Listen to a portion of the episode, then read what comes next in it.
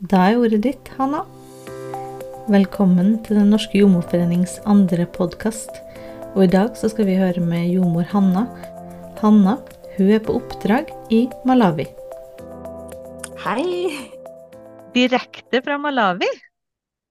Akkurat. Ja, jeg sitter her på rommet mitt. Tusen takk for at du tar deg tid til det her. Eh, kan ikke du fortelle meg litt om deg selv? Ja, jeg altså, har vært jordmor nå 26 år. Jeg mm, er Finlands sikkert yngste jordmor, jeg var bare 22 år. Men jeg ble ferdig. Akkurat den tida så hadde de en sånn pilotering av et program, og derfor så kunne jeg hoppe over litt eh, noen eh, år eh, på videregående, og så, så på en måte eh, utdanne meg litt fortere. Og i tillegg til jordmorutdanning så har jeg to mastergrader, og så holder jeg på med ph.d. Eh, akkurat nå. Eh, I tillegg til jordmorjobben så har jeg jobbet i flere um, land, altså i flere utviklingsland og katastrofeområder. Og eh, så har jeg eh, vært og tiår eller har undervist kvinnehelse under katastrofer for masterstudenter. Og hatt hovedansvaret om kvinnehelse under katastrofer og epidemiologi. Og det er wow. på en måte via universitetet i Glamorgan i Wales. Det er veldig inspirerende å, å, skulle få lov til å snakke med deg i dag, og kjempeimponerende alt du har fått gjort. Jeg lurer litt på om du kan fortelle meg litt om hvorfor du er i Malawi akkurat nå? Ja, altså jeg er her på Røde Korsets uh, oppdrag. Røde Korset ja. har et sånt beredskapsenhet, og de sender til forskjellige deler av verden delegater når det er behov.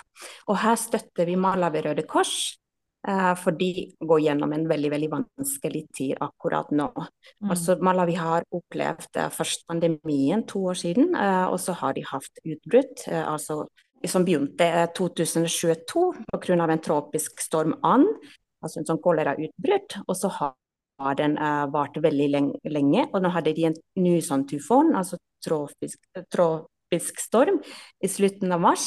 Og så um, er det alltid en større risiko å at på en måte det her utbruddet blir verre igjen etter en, en sånn situasjon.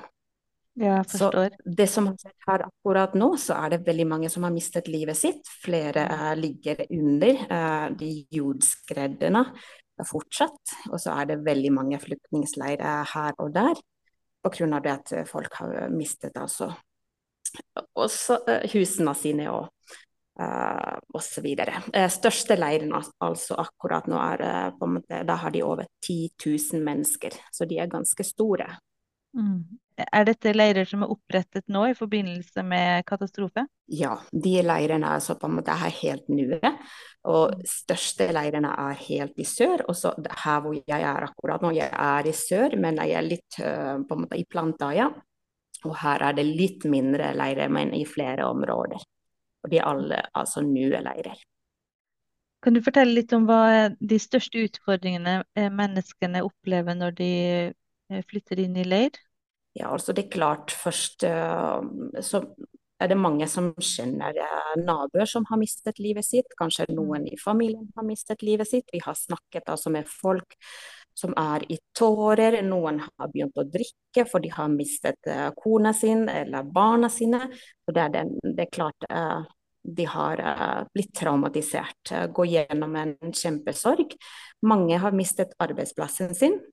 Mm. Og om huset er under jordskred, så er det veldig naturlig at da har du ikke et sted å bo. Du har ikke klær, du har ikke mat, eh, ingenting. Så de menneskene er helt avhengig av hjelp utifra. Sånn at de får rent vann, eh, det blir levert til eh, alle de stedene. Og så eh, mat blir levert. Og så er det viktig at de føler seg trygge. At f.eks. kvinnene ligger på, på et sted og menn på et annet sted. Sånn at de, eh, de, de føler seg trygge. Så det er veldig mange behov. Altså telt og rent vann og mat er de viktigste. Og du er der som jordmor nå, Hanna, har jeg forstått det riktig? Ja, altså jeg er, uh, jeg er, alltid jordmor, men samtidig så er jeg sånn public health-delegat. Uh, jeg har utdannelse i det området òg, så mm. her gjør jeg veldig mange på en måte, Gå igjen til, til de leirene og ser hva er situasjonen der. Og så uh, jobber jeg litt med data, prøver å hjelpe teamet vårt å få et riktig bilde av av situasjonen. Og så jobber vi med akkurat det her kolerautbruddet. Så jeg går til helseklinikker og snakker med de, og vi, vi hjelper sånn generelt. Og det er klart, under en sånn situasjon, så det er viktig at en jordmor eh, har på en måte et øye på situasjonen nå, for eh, de alle gravide de har høyere risiko under en eh, altså kolerautbrudd. Eh, de må eh, videresendes til sykehusene. Så det er viktig at vi trener frivillige, og at de har kunnskap om det og, og sender de videre. Pluss alle barn som er under fem år. Og så har du vært på oppdrag tidligere, var det i Asia? Ja, altså jeg har vært i uh, flere land. Jeg har vært i Filippinene, Bangladesh, Uganda, og nå er jeg her i Malawi. Og så I tillegg til det så har jeg arbeidet med, eller jobbet med andre organisasjoner. Um, og så Jeg har vært i Ukraina og India, der har jeg egentlig bort uh, og vært over 15 ganger. Du er en internasjonal og inspirerende eh, dame, det må jeg si. Takk. Kan du fortelle litt om eh, kvinnehelse i det konfliktområdet, eller det katastrofeområdet som du er i nå? Det der, eh, om jeg nå tenker jordmorhverdagen eh, i utviklingsland eh, eller katastrofeområder, det er en veldig, veldig travel. Mm. Mange pasienter samtidig. Kvinnene som kommer til klinikken eller til feltesykehus, har oftest ikke helsekort, så du vet egentlig ingenting om dem når de kommer til fødeavdeling. Mange mm. kommer veldig sent, og det er ofte full åpning. Eller de kommer for seint, de har kanskje allerede kramper om de på en måte har utviklet preklamsi. Og så møter vi mange premature fødsler. Eh, de er veldig vanlige katastrofeområder. Mm. Og så er det mange som slutter å amme pga. stress. De tenker ofte at de har for lite melk, og så har de ikke nok kunnskap at om de nå gir eh, morsmelkserstatning, så har barnet større risiko for infeksjoner. Så de er på en måte i situasjoner. Men så, når jeg har vært ute, så har jeg hatt veldig mange forskjellige altså, oppgaver. Enten jeg har vært på feltesykehus, eller så har jeg hatt svangerskapskontroller midt i flyktningleiren. Så jeg har ledet og koordinert forskjellige prosjekter hvor vi har hatt målet å øke jordmødrenes kompetanse i forskjellige områder. Eller så noen ganger så må du trene frivillige eller ambulansearbeidere og kommunehelsearbeidere å skille på mellom hva er normalt, hva er unormalt i situasjonen relatert f.eks. til blødning eller preklamsi. Det er viktig når du er på et oppdrag at du øker kompetansen med, med å, å bygge kapasitet i det landet hvor du er. Og så er det et sånt tema kanskje som mange tenker ikke, men uh, i, i, utviklingsland så snakker vi mye, mye om uh, respectful maternity care. Altså mm. mange har ikke fått nok kunnskap på det at det er viktig å lytte hva de kvinnene sier. Noen blir slått ikke sant, under fødsel, uh, mm. og så går vi gjennom veldig systematisk med jordmødrene, altså kollegene mine, at hva er viktig for de kvinnene, og hvorfor um, du burde lytte kvinner store, komplekse og viktige problemstillinger der. Eh, du har jo sagt noen ting om hva vi trenger for at jordmorhverdagen skal bli bedre i utviklingsland, eh, men vil du si noe mer om det? Ja, om jeg tenker um, De er veldig veldig store, de forskjellene hjemme og her. At jordmorhverdagen skal bli bedre, så, uh, så er det viktig at det finnes politisk vilje å, å mm. gjøre noe uh, med situasjonen. Altså lederne på sykehus eh, de må eh, øke antall jordmødre og leger. Vi har jobbet på sykehuset hvor to jordmødre og en lege har ansvar om, om uh, fødeavdeling, barselavdeling som har kanskje 30 pasienter, og poliklinikk samtidig. Mm. Også de ofte sykehusene som 15 000 kvinner som, uh, hvert år som føder, så det er veldig, veldig travelt. Og så er mange har opplevd altså, utfordringen at de får ikke lønn i tid. Og mm. da søker de veldig eh, ofte eh, til private organisasjoner eller klinikker. Og da mister du jordmødrene fra eh, på, på, engelsk er det ordet, altså government hospitals. Mm. Så, eh, Så det er en, en, kjempeutfordring for mange land at de mister de gode legene og gode jordmødrene, for systemene er såpass eh, dårlige. Mm. Um, og så er det klart at ledelsen må jobbe med det at systemene inni sykehusene eh, fungerer. Vi har f.eks. Mm. ofte utfordring med det at eh, om du har en akuttsituasjon, så må du få et samtykke fra, fra kvinnen og eh, familien. Og mm. du har egentlig ikke tid til det. Og det gjør at det blir veldig mange forsinkelser. Men om kvinnen hadde gitt samtykke allerede i begynnelsen av fødsel, så hadde kanskje vi klart å redde eh, noen eh, før det er for seint. Fødeavdelingen, operasjonsavdelingen og laben de må jobbe mye bedre sammen, sånn at man klarer å unngå de store forsinkelser eh, og, som skjer eh, her. Og så er det klart uh, utdannelsen uh, er viktig. Det er viktig å, øke uh, både antall plasser, men også kvalitet. Det er en mm. stor forskjell om jordmor har ett års utdannelse eller tre års utdannelse. Mm. Det er klart. Og så sier jordmor hver dag, men jeg mener jo hvordan det er for kvinnene, barna og familiene deres. Og det er jo det vi egentlig til syvende og sist snakker om, da. Hvor viktig dette arbeidet er for at man skal få gode mødre og nyfødt helse. Ja, om jeg er på oppdrag, eh, så jobber jeg egentlig hver dag. Um, mm. Det står i kontrakten at du har 40 timers uker, men det skjer aldri når du er her. Um, så du jobber eh, kanskje 12 timer, 16 timer. Og så helgene òg. Og eh, det er helt greit, for du har ikke alt ansvar på en måte her om alt annet som du har hjemme. Mm. Og så er så behovene, så på en måte det føles helt greit å jobbe. Og så det er klart, som en jordmor så må du eh, ta og på en måte jobbe på natten og på dagen om det er behov for det. Så du mm. er eh, hele tiden i beredskap. Hanne, jeg lurte på om du kunne fortelle litt om hvordan det er å være gravid og fødende kvinne i katastrofeområder og i konfliktområder? Ja, Under konflikter så mange velger å føde hjemme, for det er ikke trygt å gå til sykehus, eller kanskje sykehuset er ødelagt.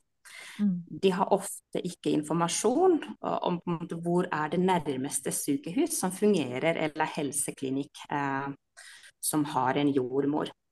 Og det er veldig vanskelig å dele informasjon under naturkatastrofer. Ofte elektrisitet og telefonlinjene har blitt eh, ødelagt. Og etter flom eh, det kan være helt umulig oppgave å sende en bil eh, som kan hente en gravid som blør, f.eks. Og da er valget bare å, at folk går til en helseklinikk som ofte har ikke blod, kanskje har ikke en lege eh, eller jordmor som kan hjelpe. Så det blir veldig mange forsinkelser. Eh. Og ofte er veiene oppblokkert pga. trær og store steiner. Eh, og eh, om kvinnene er på flukt, så har de ofte inget sted å gå. Veldig mange føder prematurt. Eh, og uh, veldig høy andel uh, opplever under flukt, altså vold og overgrep.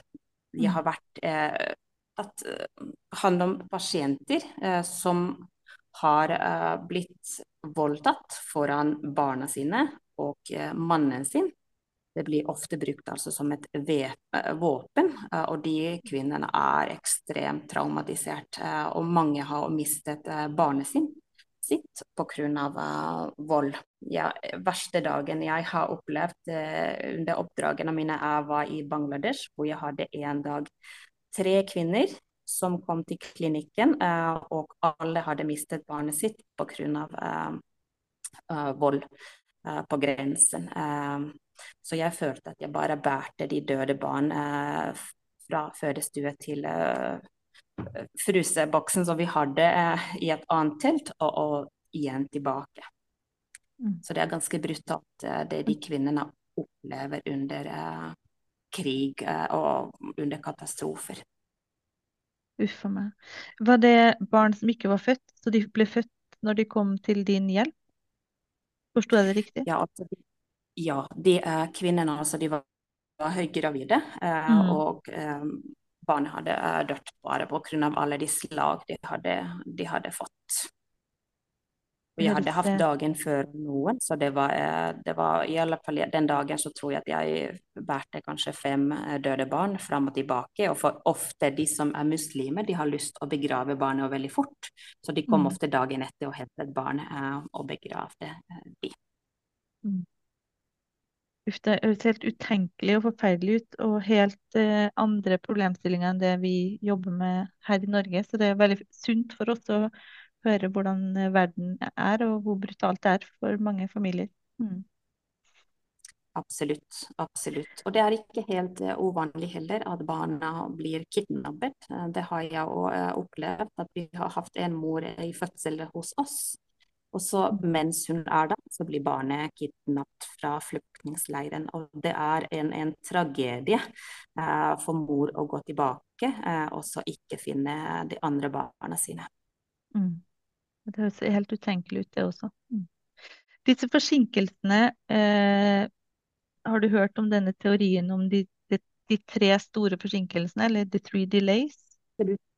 Ja, altså de her three delays, eh, det betyr altså ofte kvinnene føder eh, hjemme. Eh, og eh, de har ingen hos seg. Og så første er ofte om de begynner å blø og de er helt alene, og får kanskje mannen eller en annen nabo inn til eh, huset ditt eh, og få hjelp. Og så begynner de å lete transport. Uh, ofte så har de ingen bil i akkurat i den budsdelen, så kanskje det er noen som kan begynne å bære uh, kvinnen. Eller om de skulle være heldige og få en bil, så kan det være veldig, eh, eller skje veldig mye under veien. Spesielt under katastrofer. Eh, enten at det, det er trær som blokkerer veien, eller på en måte det skjer noe med bilen. Og sen når de kommer endelig etter en ganske lang periode til helsesenter, så skjer det ofte det her tredje delay, forsinkelse. At det finnes ingen lege, ingen eh, jordmor til stede, eller at det finnes ikke blod. Eh, og da å begynne å leite blod i en sånn situasjon at mor har allerede kanskje mistet eh, fra én til to liter eh, blod, er ofte årsaken til at det er, eh, tiden går og eh, man klarer ikke å redde eh, mor. Mm. Men jeg lurer litt på dette med prematuritet, for det har du nevnt flere ganger. Og hvor små barn satser dere på, og hva er det som gjør at man satser like satser, og hvordan oppleves det for deg? I og med at i Norge så satser vi jo på veldig små barn, og det gjør man jo ikke når man er ute i konfliktområder. Nei, først når de kommer inn, så vet du aldri egentlig helt hvor eh, langt de har kommet. For det, om de har ikke vært på uh, altså svangerskapskontroller, som på en måte finnes ikke, ikke sant, i katastrofeområder, så, mm. så, vet de sånn cirka kanskje måned syv eller åtte, så du vet ikke akkurat hvilket, hvor langt vi har kommet. Men om mm. du har et barn som veier eh, 1000, eh, kilo, altså, så har du ingen sjanse å redde et sånt, eh, sånt uh, barn. For, for, eksempel i Bangladesh så uh, det blir så kaldt på natten at det er bare ofte 17 grader, eh, og de har ikke noen varme inni.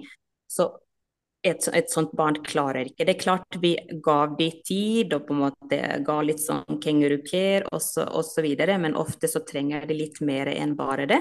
Og så vet du at når mor reiser hjem med et så litet barn, så, eh, så, kommer den ikke å overleve veldig veldig lenge. Så vi har hatt flere situasjoner at vi har eh, gitt eh, kanskje første dagene litt glukos og eh, prøvd å melke litt ut noen dråper melk. Eh, og så eh, litt etter hvert så har vi bare avsluttet glukosedrypp, og så sagt til mor at vi får se hvor lenge barnet klarer, og så har vi bare lagt det på, på brystet. Og så, så, har det ofte tatt sånn 20 minutter eller 25 minutter, og så, så, har barnet dødd der. Så vi har bare prøvd å gjøre en sånn fin avslutning for dem, men vi har forklart på en måte de utfordringene. Og samtidig så må du tenke på en måte at om du har en, en et barn som er veldig veldig liten. og noen er, mm, er handikapper, kanskje har hatt oksygenmangel allerede. Uh, eller de har fått det under fødsel, for vi har oftest ikke noen fosterovervåkning, så du vet ikke helt.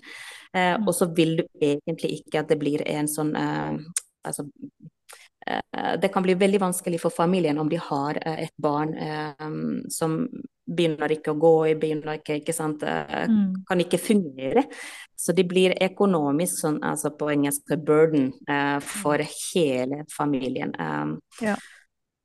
så, så da er det bedre egentlig å, å ikke gjøre noe aktivt.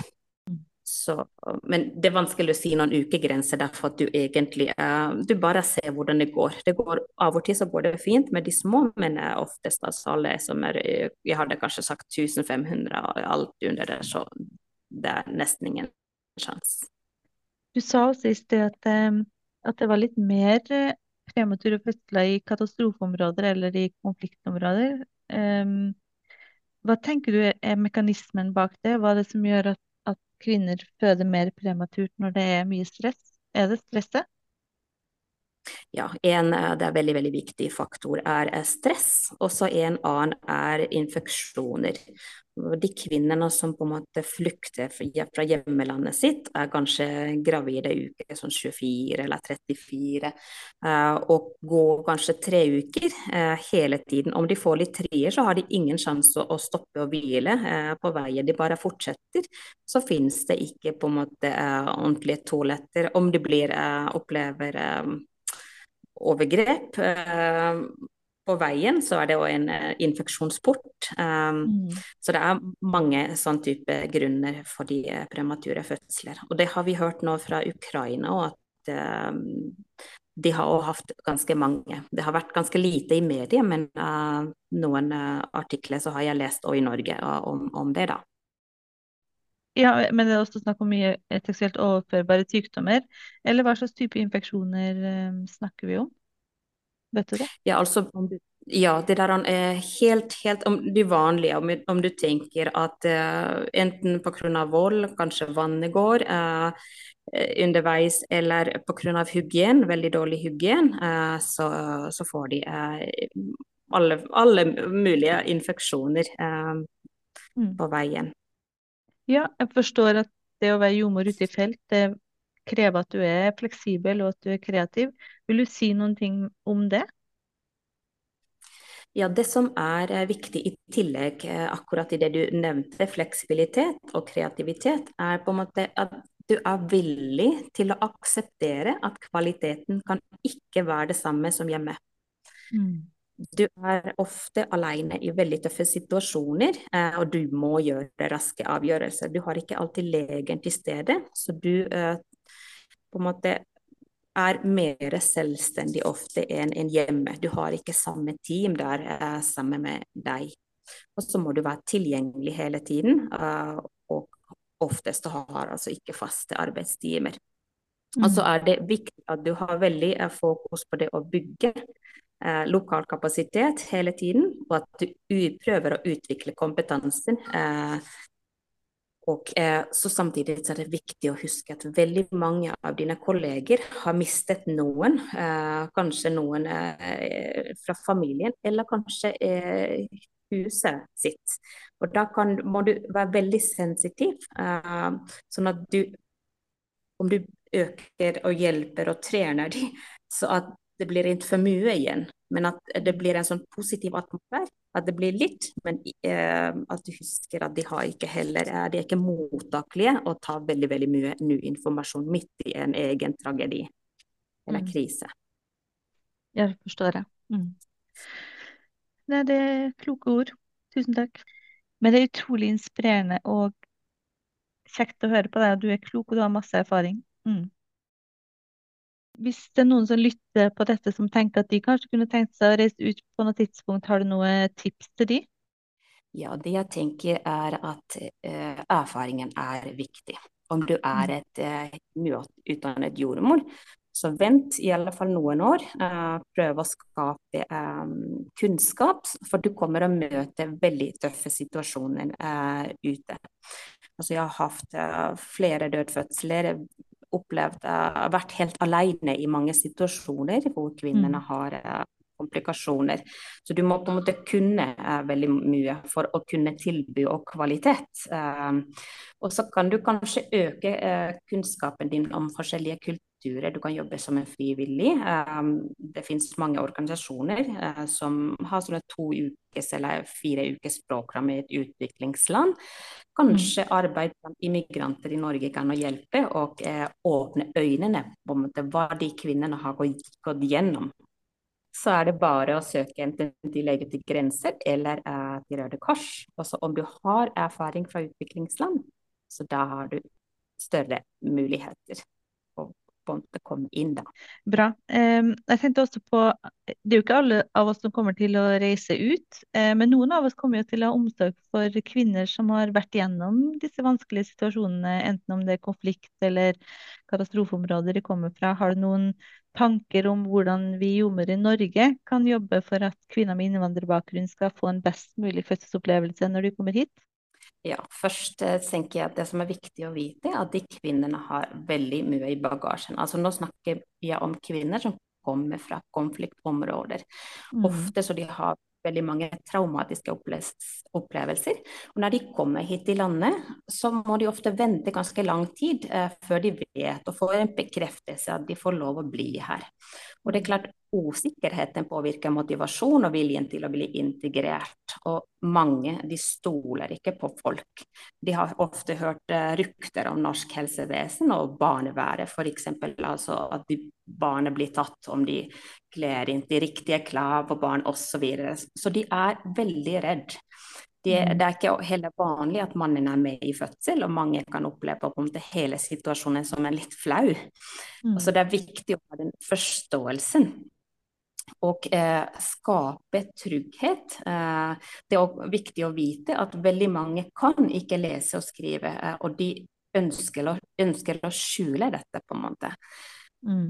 Så mange har aldri brukt telefon. Eh, så eh, det som jeg tenker er viktig for jordmødrene, er å bruke tolketjenesten i mye større grad enn vi gjør eh, per i dag.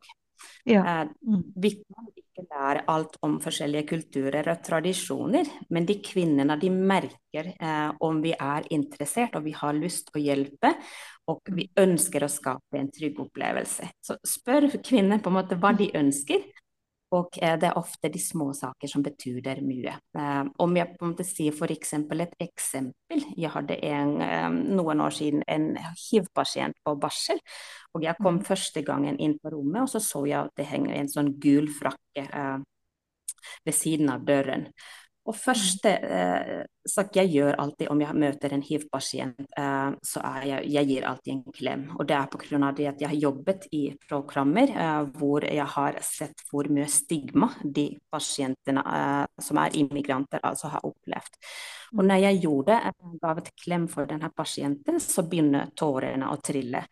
Og jeg møtte de noen måneder etterpå i en eh, butikk, og de sa at vet du hva, vi har ditt bilde på veggen eh, hjemme.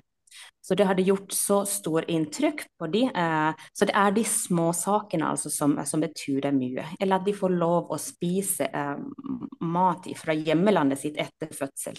Mange mm. har eller det er ikke vanlig å spise brød i mange land. Men å på en måte ha kanskje en suppe etter fødsel eh, kan hjelpe at de har eh, på en måte magen fungerer bedre. Så det er på en måte å åpne litt øynene og på en måte gi dem muligheten eh, for de å, å, ha sine egne rutiner. Du ga meg gåsehud, eh, Hanna. Det er veldig gjenkjennbart det du forteller, og det er veldig viktig. Eh, mm litt, litt, mer om de utfordringene som gravide med innvandrerbakgrunn som har kommet fra katastrofeområder eller konfliktområder. Kan du si litt mer om hvilke utfordringer de møter når de flytter til Norge, som du kjenner til? Ja, altså det jeg tenker at veldig mange, eh, flere enn vi, vi tror, har opplevd vold. Eh, overgrep, voldtekt, at, de blir uh, voldtatt uh, på grensen, uh, og at det blir brukt som et, et, strategisk våpen under krigen, er veldig, veldig vanlig. Og mm. det er veldig mange som skjuler det, men du merker det under fødsel at det er noe et eller annet som har skjedd her før. De er ekstremt redd. Og det er, det er, noe som er viktig, på en måte at vi, vi jordmødrene tenker at vi gir litt mer tid for dem. At vi, de kan få lov å ha noen som de stoler på. Nå er jeg selv veldig involvert i det her Dola-program. mm. og forsker akkurat på det. Så jeg tenker at det er en fin mulighet å ha en annen kvinne som kjenner litt bakgrunnen for, uh, for uh, en immigrantkvinne, som kan støtte. Nesten alle kjenner noen som har iallfall mistet, om de har ikke selv mistet noen. Mm. Så det er uh, vanlig. Og så er det klart, uh, vi har de kvinner som kommer fra land hvor uh, kvinner har ikke et stemme.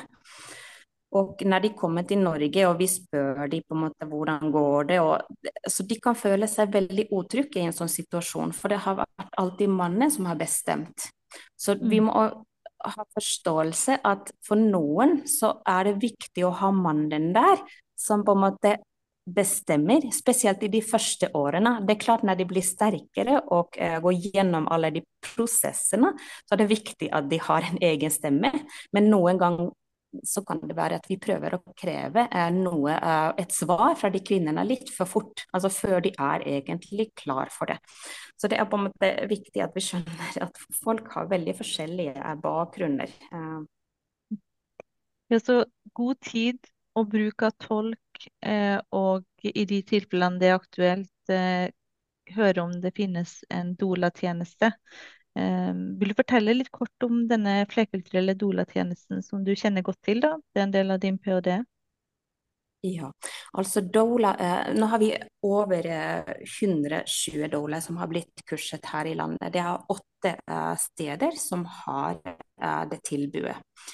Og eh, det er for de kvinner eh, som har bodd i landet under fem år, og mm. kommer fra eh, katastrofeområde eller eh, konfliktområde, og har ikke hatt tid å eh, bygge et stort sosialt nettverk, og, og har begrensede norskkunnskaper. De kan få altså en doula som støtter de, eh, altså Doulaen først kommer fra samme land de kommer selv, og har blitt trent. Alle doulaene har, hatt 40 timers eh, kurs eh, før de kan bli douler. Og eh, de støtter kvinner under graviditeten, møter de fra én til to ganger. De er med under fødsel, og så støtter de igjen etter fødsel og møter kvinner fra én til to ganger. Veldig mange fortsetter å på en måte støtte de og er litt sånn frivillige eh, etter denne perioden nå, men at under den tiden så får de betalt de timene de bruker eh, for doula-støtte. Det er flott. Og det er åtte steder i Norge som har uh, dette tilbudet nå. Var det det du sa? Ja, det stemmer. Ja. Det er jo supert at da kanskje en del har hørt om det, eller kjenner litt til det, og kan bli litt mer kjent med dette programmet også. Mm. Ja ja, og det finnes mye informasjon på internett. Om man bare søker flerkulturell ord, så finnes det eh, flotte sider så, og mer forklaring. Veldig fint. Jeg vil si tusen takk, Hanna, for at du har tatt deg tid, eh, og du har delt.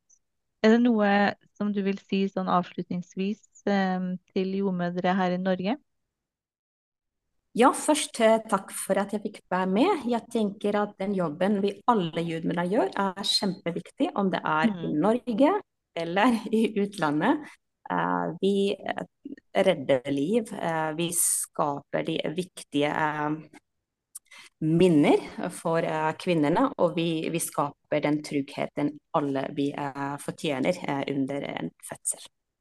Ja, det tenker jeg òg fødsel er jo, som vi kjenner til, en sjelsettende opplevelse for både kvinnen og hele familien. Så det vi gjør, er veldig viktig, hvor enn vi er. Tusen takk, Absolutt. Hanna. Eh, og så vil jeg si til deg at jeg setter veldig veldig pris på at du har tatt deg tid til dette, midt oppi veldig viktige oppgaver. oppgaver. Ha det godt. Ha det, ha det.